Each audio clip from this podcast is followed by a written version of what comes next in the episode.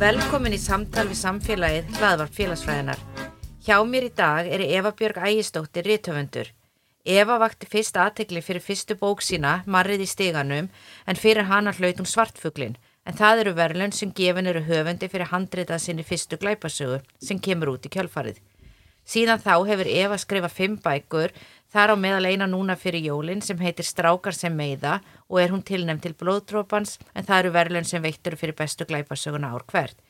Eva er með bíaprófi félagsfræði frá Háskóla Íslands en í náminu hafði hún sérstakann áhuga afbröðafræði. Hún fór síðan til þránteims og lauk þar framhalsnámi í alþjóðamálum. Velkomin Eva og takk fyrir að vera með okkur í dag. Já, bara takk fyrir, takk fyrir að fá mig. Uh, mér langar nú svona að byrja aðeins á félagsfræði tengingunni og hvernig það kom til að þú ákvaðast að læra félagsfræði. Hvað var það sem vakt áhugaðinn? Herri, það kom ekki alveg strax. Ég var eitthvað voða óákveðin eftir, hérna, eftir framhaldsskólan og vissi ekkert í hvað ég ætti að fara. Vissi að ég hefði áhuga á bókum og var ekkert með að ákveða að skrifa bók þegar ég er eins eldri. Um, þannig ég fór í bókmyndafræði fyrst og hérna, komst svo bara fljóðlega því að maður þarf alveg að geta að fara í bókmyndafræði og það var kannski ekki mitt áhugast við sko um, allt sem var að kenna þar. Þó, eða, þú veist, þannig að miss áhuga, áhuga verðir hérna, eða þú veist, það sem ég fannst áhuga samir áfangar. En ég sérst hætti því eftir fyrstu önuna uh, flutti mig yfir í uh, já, þá flutti ég yfir í félagsræðina og hérna og, og fannst það svona skemmtilegt þó ég vissi ekkit hvað ég ætlaði endilega að gera við það en mér fannst bara hérna það er kenningar svo áhugaverðar og, og hérna og náttúrulega félagsfræðin er svo mikið um fólk og samfélög og leiðs og það var eitthvað sem ég alveg, alveg fann mig í. Já, og það kom kannski ekki óvart að þú hafðir þá líka sérstakann áhuga ábrotafræðinni í náminu og þú skrifaði rítgerðin fanga. Getur kannski sagt mér aðeins frá rítgerðinu og hvað varst að skoða? Já, ég, já, ég fekk svo fljóðlega áhuga á hérna, afbrotafræðinni og fannst svo skemmtilegir áfangarnir með honum Helga Gunnlausinni og hann var einmitt leðbeinandi minn í félagsfræðinni með, með, með rítgerðina. Uh, og ég ákvaða að skoða þarna sko í rauninni í rauninni er þetta meirum já, fangelsi og svona hvernig hérna hvernig þá tók ég svona samanburðar rannsókn í rauninni á Íslandi og til dæmis Breitlandi og bandaríkjunum þar sem er svona viðhöfð harðari refsistefna. En það er náttúrulega mjög missi eftir hérna, bandaríkjunum eftir fylgjum sko. Uh, og, og í rauninni að skoða hvernig hörður refsistefna hvort hún virki betur upp og endur komur fanga. Og komst náttúrulega því að veist, betruna vist eins og Íslandi er virkar betur, við viljum, viljum hafa, sam, eða, veist, viljum hafa hérna fangelsi þar sem að e, þeir sem að fá, eru dæmdir fyrir afbrót fá tækifæri til að hérna, verða betri mannskum mm. og koma aftur út í samfélagin, alltaf bara ódýrara fyrir okkur og, og allt svo leiðis og þess vegna fannst mér svo áhugavert að byrja þetta saman við hérna, til dæmis bandaríkin þar sem að í, allavega, e, já, í sömum fylgjum er það náttúrulega þannig að það eru hérna uh, kostnir uh, dómarar yeah. og svo leiðis þannig að þá þá verður alltaf sem aðeins meiri krafa á að hérna, það sé einhver sem við hefur svona harðari refsistefni sko. uh, og, og, þá, hérna, og þá verður svolítið pressa á dómurum að dæma svolítið hart í málum og þá kemur til dæmis upp hérna, uh, heitir Three And then out það sem er náttúrulega, sem er náttúrulega bara fáraleg uh, fáraleg stefna, það sem að þú veist þú þarfst bara þrjú lítil afbróti jafnvel til þess að fá mjög harðan dóm. Og, og þá er þetta náttúrulega bara ofta því að af því að hérna glæpa menn, þetta er bara, bara vel lett fólk sem hefur kannski leiðst út af hérna einhverjum eh, út af hennum rétt að vegi sko, fólki í neistlu og svo leiðis, bara veikt fólk oft bara lang oftast, bara fólk sem er með einhver andlega eða, eða, eða, eða glýmið einhvern fíknisjúkdóm. Þannig að þú veist mér finnst, mér finnst allavega augljóst að maður vil frekar fara og gefa fólki færa og bæta sig. Já, og svo er þetta náttúrulega sérstaklega flókið í bandaríkjunum líka þegar við veltum fyrir okkur hvernig þetta, eins og þú kemur inn á náttúrulega bæði til dæs hvernig þetta tengist andlegum áskorunum Já. og við veitum þar náttúrulega er geðhilbriðskerfi líka í mólum í mörgum fylgjum mm -hmm. uh, hvernig það tengist fátækt. Við veitum líka í bandaríkjum að svartir eru líkleri til að vera dæmdir fyrir nákvæmlega sama glæpin og hvítir. Við getum náttúrulega líka eins og að tala um tengstin á pólitík og er unni alveg ótrúlegt að dómar og lögreglustjóra líka séu kostnir í kostningum Já, nákvæmlega. Og að segja, veist, þá verður þessi miklu krafa um að, að hérna hafa og þá ræður svolítið svona eitthvað annað sjóna með þetta ræður, ræður þetta sjóna með sko að við viljum bara refsa, við viljum refsa og refsa. Og þú veist, og það skila sér náttúrulega bara í því ef við hugsaum þetta lengra, þú veist, þá skila það sér í því í fleiri afbrotum sem er ótrúlega hendugt fyrir samfélagið, þú veist. Við viljum ekki, við viljum ekki fleiri afbrot og þetta skila sér líka í yfirfullum fangelsum, það er náttúrulega bara, þau eru yfirfull hann í bandaríkjunum og Breitlandi allavega þegar ég var að skoða þetta. Já. af svona smá krimmum oft sko, Já. sem að gætu bara uh, já, gætu vonandi hérna komist bara aftur. Og þetta er náttúrulega líka sko mér finnst svo áhugavert það sem ég myndi vilja skoða núna. Ég, vona þess ekki að fara út af hérna, en það er líka sko að því að þú veist við þurfum að hugsa þetta svo mikið í, í svona samiki núna, líka við það sem að hérna er að gerast í samfélaginu í dag þú veist, að því að við erum náttúrulega ég skil alveg þessa reyði eins og sem kemur upp þegar við sko viðkvæmur í mál eins og, eins og hérna kynferðislega áreitni eða, eða nöðganir eða, eða svo leið sko og það má náttúrulega þrætum að það þarf að vera náttúrulega harðara kannski, eða þú veist harðari dómar fyrir það í kerfin okkar en að sama skapið, þú veist, ef við hérna uh, ef að samfélagið ætlar að refsa fólki þannig að það á ekki afturkvæmt þá eigur það samt líkunar á frekara afbrotum þú veist, að því að þá, að því að þá náttúrulega þú þart sem einstaklingur sem að brítur af þér þá þart þú að sjá að það sé gott fyrir þig að vilja bæta þig og ef Já. þú sér það ekki þá náttúrulega kannski hefur enga ástæði til þess Já. Þannig að þú veist, mér finnst alltaf áhugavert að, hérna, að skoða það. Já, það er náttúrulega alveg rétt eins og þú kemur inn á náttúrulega rannsóknir sína um þetta þessi harða refsistefna er ekki kannski að ná þeim árangri sem við viljum að hún sé að ná en er kannski frekar þá að ná þeim árangri að eins og tala um bandaríkjum að kjósendur sé ánæði með því þú ert harður og tekur hart á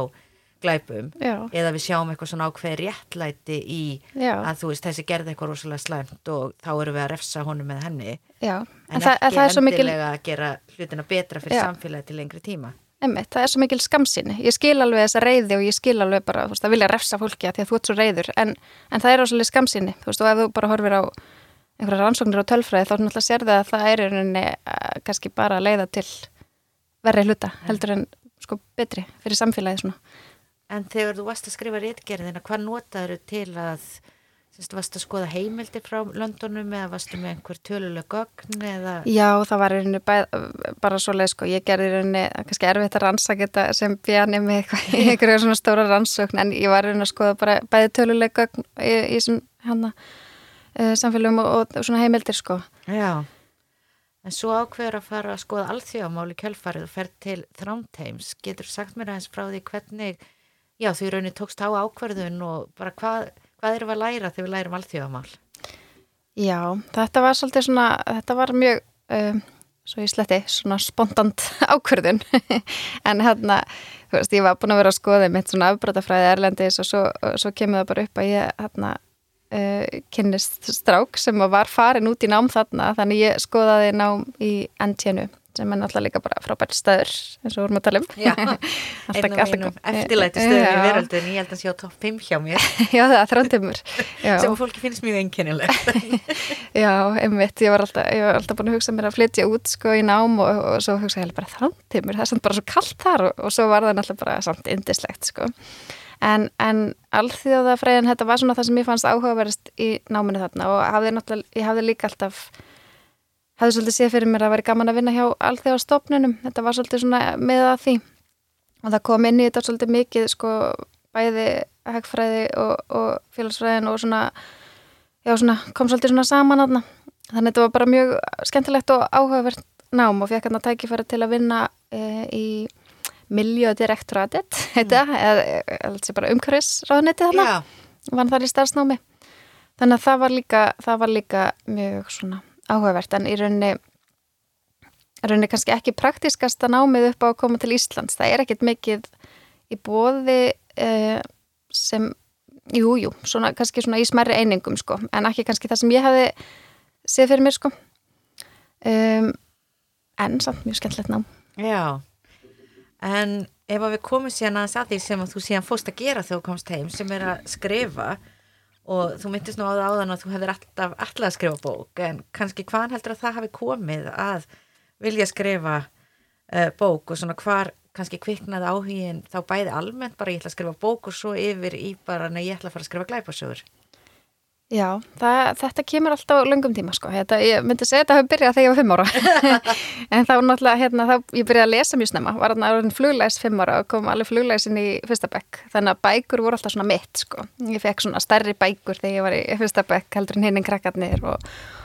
og var bara rosa mikill lestrar hestur, bjósaldi hérna á bókastafninu á Akranessi, þar sem ég fekk mér að segja sko, ég fekk svona ekstra hérna, ég fekk sérstakt leiði til að taka fleiri bækur en hinnir og eitthvað svona. Þannig að ég bara, ég elskaði að lesa. Og hérna og hérna var bara alltaf með nefið honni í bók. Þannig ég kem að þessu sem svona eh, fyrst og fremst lesandi. Og, og hérna og svo svona svo var ég alltaf svolítið að fykta við að skrifa og, eða, já, ekki skrifa, kannski fyrst var ég bara svona búið til sögur, ég myndi segja, ég hafi verið bara mjög ímyndunavegg, var bara alltaf verið að búið eitthvað til sjálf og ég hef búið til ljóð og, og söngteksta og alls konar svona alltaf eitthvað að semja. Um, skrifa dagbækur og, og hérna, alls konar þannig, svo svona var ég alltaf að byrja á, byrja á sögum og náði aldrei að klára þér og svo var hérna smásagnakefni skólunum minnum þegar ég var uh, úlingur og hérna og þá sæst ég niður og skrifa og finn bara, bara skrifa heila sögu. Og hún vann þessa keppni. En ég var nú svo ríkilega feiminn þá og mér fannst alveg ræðilega tilvægsunum að einhver myndi hérna lesa hana upp á þarna. Hún var svo lesin fyrir alla í skólanum. Og ég alveg eldraðanaði hann í sætinu mínu og fannst þetta ríkilega vandræðilegt Og mannstu hvað hún var um? Uh, já, já, hún var samsagt, hún var í rauninni klæpasaga strax frá byrjun Uh, hún var sérst um hérna eh, stelpu sem kemur svona nýjinn í bekkin og kynnist hann að annari stelpu og hún rindir henni ofan að kletti. Þannig að þú veist fyrir eitthvað svona, já, það var svona þetta var hérna hún var sérst að það eru ástfangnar. Og hérna, og þetta, já, þetta var eitthvað voðalega, en hún er hérna gaman að lesa hana stundum eftir núna, því hún er voðalega hún var svolítið svona held ég einblásuna betti hjá hennar Arnaldi. Held ég að vera nýpun að lesa hana. Þannig að hérna uh, svo, svo fer ég bara eins og ég segja, ég hafði áhuga bókum fyrir þetta bókmyndafræðinám, finna að það er ekki alveg mitt uh, og fyrir félagsræðina og, og hérna og mér fannst einhvern veginn að ég þurfti að læra eitthvað veist, til að skrifa bók. Og, og fannst alltaf svolítið erfitt að sko svo auðvelt að byrja á bókum og alltaf að byrja að skrifa. Og þú veist svo, og að því að byrjun er alltaf bara einfælt, það er það sem kemur eftir á sem að hérna Eh, er erfið því að bók er náttúrulega löng og, og 90.000 orð svona cirka og að klára það krefst alveg mikils aga og hérna svona halda sig við eitthvað eitt. Þannig að hérna já, eftir námið þá bara ákveði ég að það sé komin tími til að hérna, skrifa þessa bók, ég var með einhverja hérna, nýbúin að vera að lesa með einhverju dreitönd sem að skrifa fyrstu bókinu sinni fyrir þrítugt og ég bara, ég verða að gera þetta fyrir þrítugt. Alltaf með einhverju svona fyrirmyndir og hérna til dæmis las hérna eina bókin sem ég las um skriftir heitir On Writing eftir hérna Stephen King Já. og hérna, og svo góð bók ef maður, allar, ef maður hefur áhuga því að skrifa bók Já. og hún er bara svona, hún er bara svona skemmtileg og skemmtileg svona ráð sem hann kemur með og, og hann segist þar skrifa 2000 orða dag og, og það er hérna svona það er alveg gott að setja sig það markmið sko. ég held að það sé, að því að það kemur sko orðunum á blað og Já. sama hversu léleg þau eru og hversu mikið drasl og hvort að þessu inn í sögun þú veist að bara koma þess að blað að það svona endanum kannski kemur eitthvað sem þú heldur Já. í þannig að hérna Já, eins og oft sagt sko, þú, þú getur endur skrifa texta sem þú ert búin að skrifa en þú getur ekki endur skrifa tónkblad sko. Nei, nákvæmlega, þetta er saman og ég segi við nefnundir hér, þú veist, ég vil bara sjá eitthvað á bladi, það má alveg vera léleg. Einmitt. En Þannig... þú verður einhverju, einhverjum hugmyndum að koma niður á já. blad þegar þú ert að skrifa rítgerðir. Einmitt, þannig að ótt í byrjun, eða hérna, sérstaklega í byrjun, þá bara gaf mér leiði til að skrifa bara algjöra steipu, sko, eitthvað algjört bull. Já. En það á endanum skilaði sér, sko. Og, og þó ég hafi skrifað kannski e, tvær bækur fyrir þess að einu bók sem kom út úr þessu, þá hérna, e, þá var það allavega koma á endanum, sko. Mm. En hérna, ég sérst, já, eftir þetta, eftir þetta hérna nám, þá fer ég og hérna, já, hvert er ég komin? Ákveða að skrifa þessa bók. Og hérna og tek, ef, já, fyrir að vinna sem flugfræð á meðan. Og vann ég ár sem flugfræð hjá Vá af því að ég hérna var sérst með tvö börn á þessum tíma. Og hérna mér langaði að fá einhver tíma til að skrifa. Ég hef aldrei verið mannskjarn sem getur skrifað á kvöldin fram á nótt kannski. Já. þannig að hérna þannig var svo gott að fá þessi vaktafrí. Af því þetta er náttúrulega kannski bara, já, það var kannski svona 8 til 10 flug á hérna mánuði. Og þá já, er maður með marga daga til að skrifa inn á milli, þannig að ég ná, skrifa þess að fyrstu bók á svona ári og, og fór eftir það að vinna við aðeins félagsfræðina, hann er í tölfræði fór í hérna svona tölfræði vinnu svolítið. Hann var í maskínu, það sem er svona svona eins og gallup eða svona, svona markas rannsóknir já, mm, en var nú bara mjög stutt þar af því, af því að svo fór bókin svolítið á flug. Svo bara fór hlutinir að gerast Já. og hérna, mér langar að koma með þetta aðeins að fyrstu bókinni Marriði stiganum sem var fyrsta bókin þín sem ég las. Já, og aðeins eftir, einhver eftir hún kom út og ég hef sennilega aldrei verið jafn æst því ég las einhver staðar, ég held að frekar einhver hef sagt mér það að þú væri félagsfræðingur. Það ánáttúrulega verið komið bara félagsfræðingur búin að skrifa glæpa og ég verið að lesa þetta og síðan held ég að um, já, ég held nú að ástæðan fyrir því að, já, ég hugsa að þú sérst nú bara minn uppáhalds íslenski glæparsagna höfundur svo ég segi það bara hér. Ég held að sé ekki bara ert félagsfræðingur, ég held að sé líka og náttúrulega aðalega hvernig bækunar eru. En enda náttúrulega hafa þér vakið aðtikli bara í rauninni bara þú nærið árangreila bara strax. Og náttúrulega með fyrstu bókina þá hlýtur svartfuglin um, getur þú sagt mér aðeins frá þeim verðlaunum, svona hugmyndafræðin á bakvið þau og bara hvernig þú ákvæðast að senda inn handrit, var það eitthvað sem bara varst búin að ákveða þú varst að skrifa bókina eða tækifæri sem kom og svona, veist, hvað gerðist síðan, þú veist, nú ertu búin að fá þessi verðlaun þú ert svona komin í sviðsljósið uh, hvað gerist þá í kjölfarið? Já, þessi velun sko, ég sagt, vissi ekkert af þeim þegar ég var að skrifa bókina. Ég, ég hérna var í rauninu bara svolítið heppin að þetta var í fyrsta skipti sem að Ragnar, Ragnar Jónasson og Irsa Sigurðardóttir ákveða að hérna, veita þessi velun. Þau vildi sem sagt íta þess undir hérna, um, nýja íslenska gleiparsakna hunda. Þannig að ég, ég rauninu sendi, sendi, eða þú veist, sé bara þegar ég búin með bókina, Irsa var sem sagt að vinna með manninu mínum í, í verkis, hún er sem sagt verkfræðingur líka og hún hann segir að hún segir að ég hef skrifað bók og hún segir, heyrðu, við erum með þessi velun hérna, og þannig að það, það var þannig sem að ég frétta því og ákveða að senda hérna handritið í keppina sem hún svo vinnur og, og þetta voru henni ótrúlega hérna nýtsamlega veluna því þetta var, þetta var ekki bara þessi svartfugls stimpill og, og einhver svona smá peningavelun heldur það sem var verðumætast við þau var þessi umbóðsmaður Erlendis og ég náttúrulega sem þegar ég byrja þá veist ég ekki hvernig það virkaði almennilega erlendis. Mm, en, en að samanskapið það er rosalega mikilvægt fyrir íslenska höfunda, íslenski markaðurinn er svo rosalega lítill. Hann er kannski, hann er bara, þetta er náttúrulega bara eins og ég veit ekki, þetta er eins og bæri í baldarækjunum með eitthvað. 300.000 manns, það er, það er bara kannski augljóst að reythöfundar ná ekki að hérna, lifa á sölu sölunni einnig saman sko. og þess vegna erum við minn listamannalinn náttúrulega. Já, En ég maður náttúrulega fær þau, uh, já ég fekk þau ekkert og hef ekkert fengið þau. En hérna, uh, þannig að þessi umbásmaður var mjög mikilvægur fyrir mig. Hann sérst breskur og, og hann, uh, já sérst eins og ég segi, þetta, þetta úti er sérst virka þannig að fólk, eða rithundar eru bara mjög lengi ofta að leita sér að umbásmanni. Af því að um, hérna, útgáðu fyrirtækinn þá taki ekki endilega við handritum bara beint af höfundum að þetta er náttúrulega rosalegt magnað núti að umbásmaður er svona fyrsta síjan. Og, og þessi umbásmaður uh, var sérst bara mjög virtur og, og flottur og, og, komir svona strax að í svolítið mörgum löndum. Og þannig að þetta gerist rauninni allt mjög fljótt. Bókin kemur út 2018 2020 kemur hún út í Breitlandi og svo í Fraklandi í framhaldinu og, og ég held að komin einhver 14 lönd núna. Mm. þannig að ég, já, ég er bara mjög heppin með að, hérna, að þetta gerist svona fljótt sko og gæt, eins og ég segi, fór hérna að vinna hjá maskinu og hérna bara, fór sér fæðingarólof uh, skomið sinna og, og fór svo bara ekkert aftur þannig að það var þetta bara komið komi svolítið á flug En hefur þá þurft að fara, já, þetta gerist rosalega rætt og þegar það er að koma þarna út erlendis,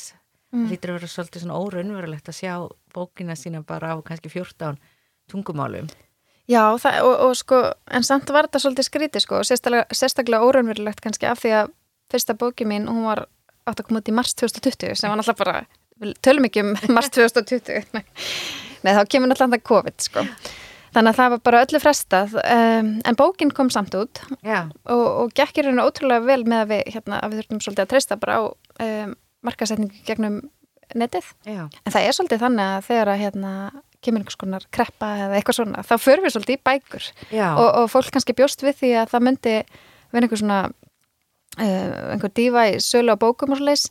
en, en raunin var í rauninni alveg veist, þannig að það jógst bara svolítið sala bókum og, og mín bók bara gekk alveg rosalega vel. Já, og hérna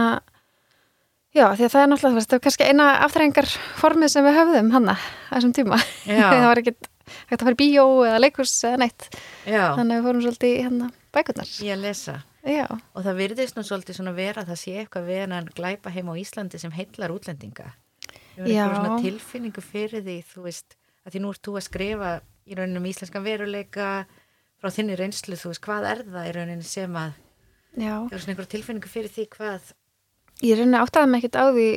strax sko. En, og, e- og áttaði mig rauninni ekkert á að ég var að skrifa inn í einhverja hefð. Eða þú veist þetta var bara, ég les alls konar bækur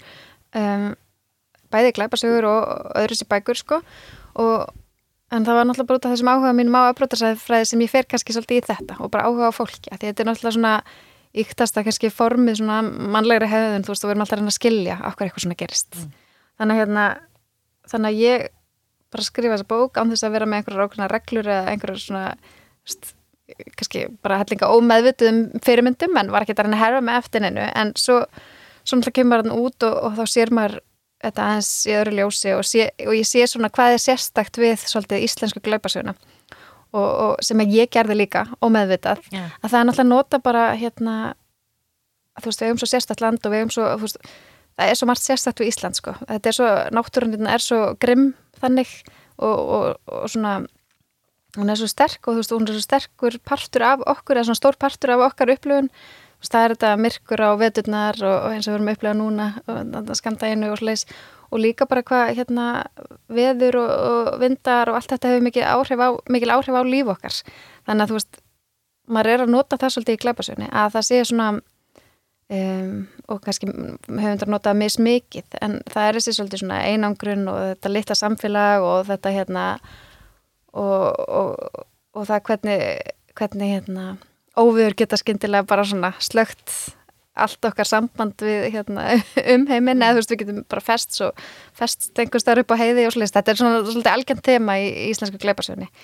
en, en í raunin er ég samt líka alltaf að áttum á því að því að þú veist náttúrulega gleiparsöfn til dæmis í Fr- Fraklandi og Þískalandi, Þískalandi hefur gengið alveg bara ótrúlega vel og hérna og, og, og ég hef svona verið að fara til Frakland svolítið mikið núna. Já, og reynda að spyrja það að því bara hvað er það? Já, og það er náttúrulega bara það er þetta, þeim finnst þetta búið exotist allt sko. Já, og það er eitthvað, það er eitthvað. Kannski eitthvað svona nógu nálagt þeim til að þeim finnist þeir skilja það. já, veist, þetta eru náttúrulega, þú veist, Evrópulönd og Evrópubúar en samt einhvern veginn þessi svona exotík og eitthvað sem er erfitt líka að ímynda sér. Þannig að kannski nærða því báðu svona að vera Já. framandi og kunnulegt. Emmitt, að því að við erum náttúrulega bara svona kannski eins svona ég veit, ekki hvort ég segja menningarlega eða svona bara í svona hvernig, eða, þú veist, við erum náttúrulega bara svona lík með kannski viðhorf og svolítið annað Já, að mörgu leiti, en samt eru við frá einhvern veginn svo rosalega afskektu sveiði, við erum náttúrulega bara eiga við erum hérna uh, rosalega fáment og þú veist, þetta er bara þetta er eitthvað sem þeim finnst voða, voða spennandi, sko já, og kannski þá langar við líka að koma aðeins inn á bara sögusviði því að þú náttúrulega ert ekki bara að tala um Ísland, þú talar um Akranes sem auðvitað er lítill bær og þú elst þar upp. Og við höfum svolítið séð þetta í bara íslenskum bókum að uh, höfum þetta velja sér svona minni bæjarfélög eða eitthvað að staði sem sagt út á landsbyggðunum. Um, heldur að sé eitthvað svona við minni samfélög sem er einhvern veginn sérstaklega áhugavert í glæpasögum og þegar við erum að skoða þær og kannski svona af hverju valdur Akranes sem sögusvið? Já, já, sko það er alveg rétt. Við höfum verið að, veist, það er náttúrulega algengt þema í glæpasögum að það er þessi litlu samfélag, sko, þessi litlu bæir. En fyrir mig var það í rauninni eins og ég segi, það var ekki ég var ekkert menn ekki minn en að því. Eða þú veist, ég náttúrulega les, les mikið og hafði oft lesið það, en fyrir mig kom bara ekkert annað til greina, þú veist, ég var náttúrulega nýflutt flutt heim frá Þrándheimi uh, flutt í Vesturbæin og þekkti ekkert Vesturbæin og þekkti ekkert Reykjavík þannig, sko. Og hérna, og var kannski með svona smá heimþrá þannig að ég bara hérna, ég, og ég þekki Akranes, það er alltaf búið þar. Og þannig að fyrir mig bara það kom ekkert annað til greina, en eftir að hyggja þá er það samt held ég mjög svona mjög fullkominn staður fyrir er svona ekki oflítið ekki, ekki, alls ekki á stort sko og, og því ég var alveg upp voru 5.000 manns held ég og núna er þetta um 8.000 Já,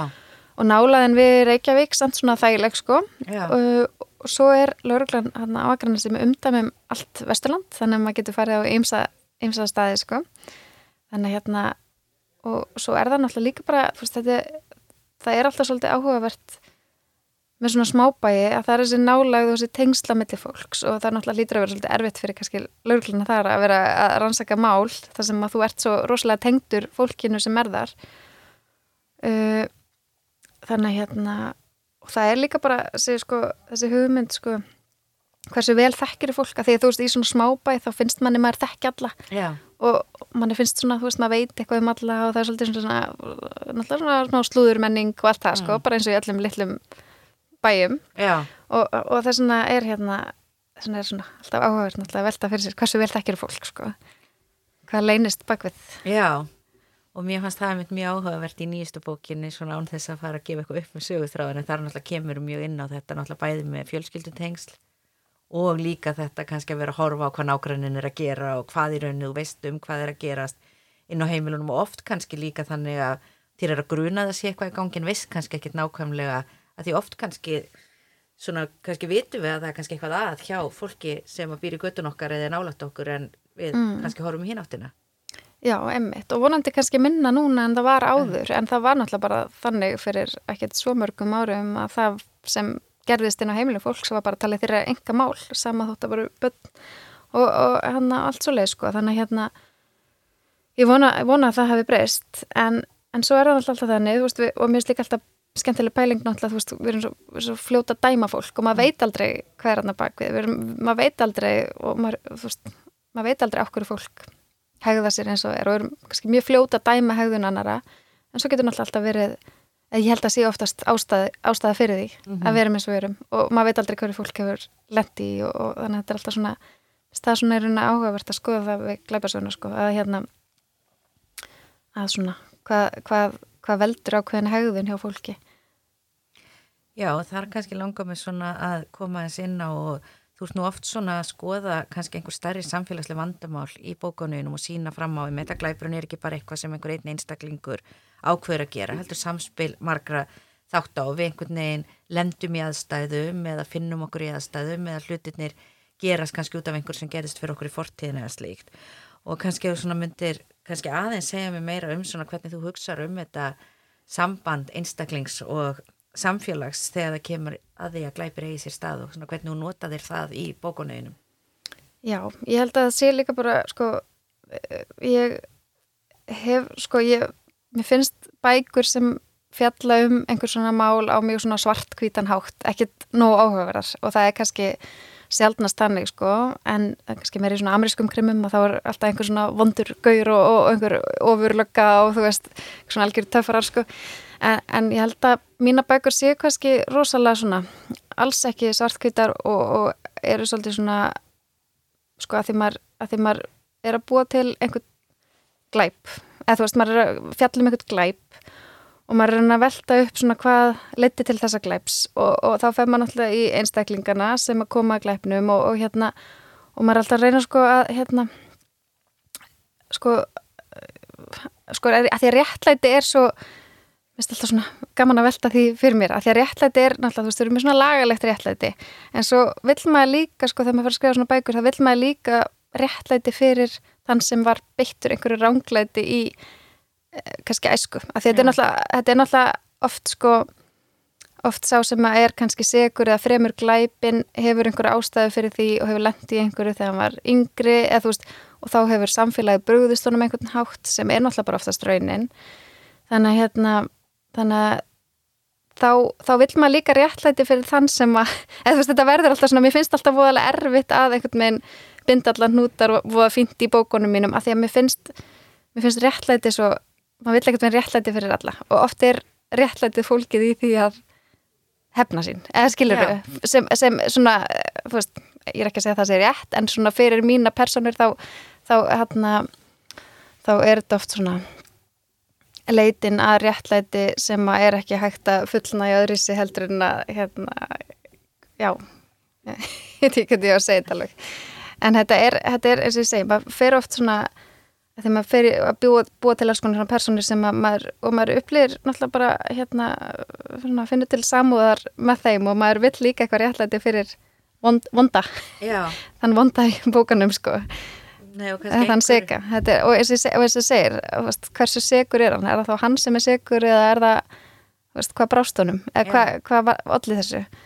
Já, þannig að svona svolítið að útskýra einhvern veginn að þú veist, það verður þessi glæpur sem er náttúrulega upphaflega við sjáum bara þetta er ræðilegt og Já. enginn á að gera svona en svo í rauninni förum við í gegnum sögutráðan að skilja af hverju einstaklingun komst á þann stað að þetta var kannski það eina sem að hann eða hún sá í stöðunni.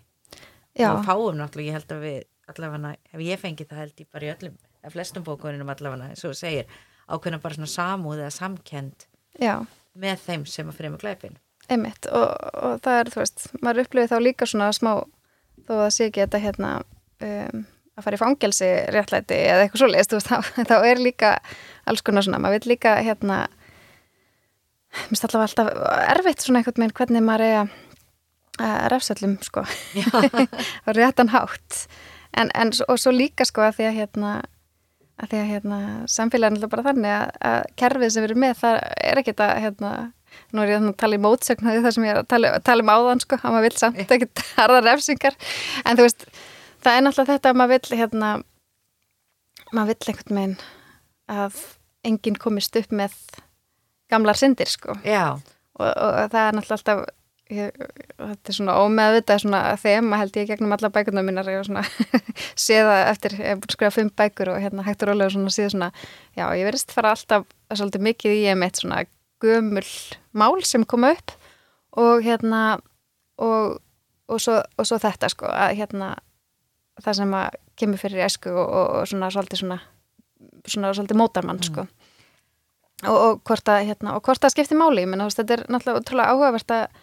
að pæli í allum þessum kenningum, þú veist, hvað hérna gerir manneskina og hvað hérna hversu mikil áhrif það hefur á mann, það sem maður hérna lendir í eða ef maður upplifir einhvers konar svona uh, vanrækslu í æs- æsku og fjallaði kannski ennþá meira um það í annari bókinu minni sem heitir hann að stelpur sem ljúa, það sem að svolítið svona, sko, þá var ég nýbúin eignast bann og, og, og var alltaf að velta þessi fyrir mér eh, sko, og ég hafði eignast batt þar áður það sem ég átti svolítið erfiða, erfiða fæðingu og hérna og, og var svolítið svona já, svolítið svona lengja jafna mig eftir, eftir þá fæðingu og átti svona erfitt með einhvern veginn að fara strax í svona tengjast battninu og vel og eitthvað svo list þannig að þá kemur hérna, upp þessi hugmynd sem er kannski alltaf með sem foreldri náttúrulega, hvað, veist, hvaða áhrif hefur það hvernig foreldri maður er? Veist, hafa þessi litlu mistök sem maður gerir eða þú veist, þegar maður hegða sér ekki eins og maður vill hegða sér hafa þau áhrif á barnið þú veist, ef maður er að skemma eða þú veist, Já. æ, skilur þetta er svona hugsanir sem kom alltaf þó maður, svona alltaf, þú veist, maður veit alveg hérna væntanlega hefur það ekki áhrif í litlu magni þótt maður svona einu sinni hegði sér ekki eins og maður vilji hegða sér sko eh, en, en þá er náttúrulega alltaf hérna áhugast sko að- og sérstaklega þessi kannski fyrstu árin í lífi barna sem þau mun ekkit eftir því hversu mikil áhrif þau hafa. Og, og maður er náttúrulega að skoða alls konar er alltaf svo áhuga að vera svona rannsóknir um það náttúrulega, hvernig maður hérna hvað hérna hvaða einstaklingar leiðast út í afbrot af því að það er náttúrulega bara alls ekki algilt að þeir sem eru beittir ofbeldi í æsku verða ofbeldismenn, það er bara held ég mjög frekar óalgengara heldur en hitt sko. Uh, en samt er held ég sko eh, minnur, ég heyrði einhvern tímann að þetta væri þannig sko að uh, einna hverjum tíu sem er beittur ofbeldi í æsku beitir setna ofbeldi en af ofbeldismennum þá hafa nýju af hverjum tíu verið beittir ofbeldi í æsku, eða skilur, eða þú veist ekki beittir ofbeldi en upplöfu einhvers konar vannrækslu eða svona erfiðar heimilisaðstæður. Uh, og svo, svo hafa náttúrulega einhverjar rannsóknir verið gerðar á þessu og hérna ég held að vera til dæmis langtíma rannsókn sem var gerð í Ástralíu. Kannski hértum hann að þetta Dunedin hann var gerð í bænum Dunedin í held, held að það sé rétt hjá mér. Já, hann heiti Dunedin en þá hérna svo sett vildur meina að það væri ákveði gen sem væri hægt að sjá meira sig í bara þryggjára krökkum já, sem að hérna sem að uh, svona væri hægt að sjá hvort að þau myndu síðar á líf, lífsleginni leiða svolítið afbrott um, en þetta gen var einungis virk, virkjað með svona einhverjum ákveðnum aðstæðum. Já, þannig að hérna alls ekki allir sem voru með þetta gen urðu setna eða, þú sleitust Já. setna út í afbrott heldur hérna varð urðu svona einhverjar aðstæður að vera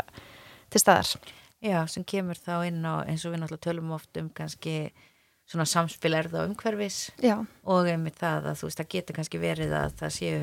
einhverjum einhver ákveðna tilneyingar sem gerir líkleri til að leiðast á einhver ákveðna braut já, en þá aftur hvað síðan gerist fyrir okkur, hvernig félagslega aðstöður við erum í, hafi virkilega mikil áhrif. já, emmitt. Þannig að þetta er náttúrulega alltaf einhver, einhver samblanda, sko. Já. Þannig, Og ég held að sért nú kannski búin að segja helling um það en ég verða sjálfsögur bara að spurja uh, hvort að og þá hvernig félagsfræðin og afbröðafræðin hafi svona hjálpað þér að skrifa bækurnaðinar eða veittir einhver ákveðna einsýn og ég held að ert alveg búin að koma slatt inn á það. já, og það er náttúrulega helling. Ég menna, þú veist, þetta, er, þetta hefur hjálpað við bara alls konar líka hugsun í, í bara svona daglega lífi og bara, og hérna, og náttúrulega þetta með bækurnar, þetta er náttúrulega svona sem að, þú veist, hugmyndir og, og alls konar sem maður hafði og, og hérna, og, mér sérstaklega gaman að pæli, þú veist, til dæmis ég svona líka svona speilin, þú veist, Já. hvernig, hérna hann að speil sjálfið og svo já. þannig að þú veist, að, þetta, þetta hefur svo mikil áhrif þú veist, hvernig Já. samfélagi sér mann og hvernig maður sér sjálfan sig og, og, allt svo leis sko, og, svo, og svona stimplanir og alls konar þannig þannig að hérna já, ég myndi segja að ég hefi hérna, þó ég hefi farið í fylgsa og var ekki alveg viss hvað ég ætlaði að verða en þá myndi ég segja að þetta hefur verið mjög góður grunnur fyrir gleipa söguna sko. Já, já og kemur náttúrulega oft inn á og náttúrulega eins og bara inn á kenningar um stimplun. Já, og einmitt þetta, þú veist, ef allt samfélagið sérði kannski sem einhvern vonlausan auðmikið sem öruglega bara eftir að leiðast út í glæpi hvað þýðir það fyrir einstaklingin og hvað síðan gerist já. fyrir hann í framhaldinu? Einmitt, þá náttúrulega miklu meir líkur á að þú bara fer að haga þér í sam, samræmi við það. Og svo náttúrulega samaskapi að svo eru kannski ákveðnir sem að kannski eru raunverulega að fremja glæpi eða gera einhverja hluti en þeir eru kannski þeirri stöðu í samfélaginu og við lítum ekki á það á þann hátt og þá kannski fólk líka komast upp með Já, alls konar hluti einmitt. Og ég held að þetta sé sérstaklega áhugavert þegar þú ert að horfa á svona lítil samfélög af því þá skiptir þetta ennþá meira máli og maður hefur alveg séð það bara í svona litlum bæjum sko að það að þeir sem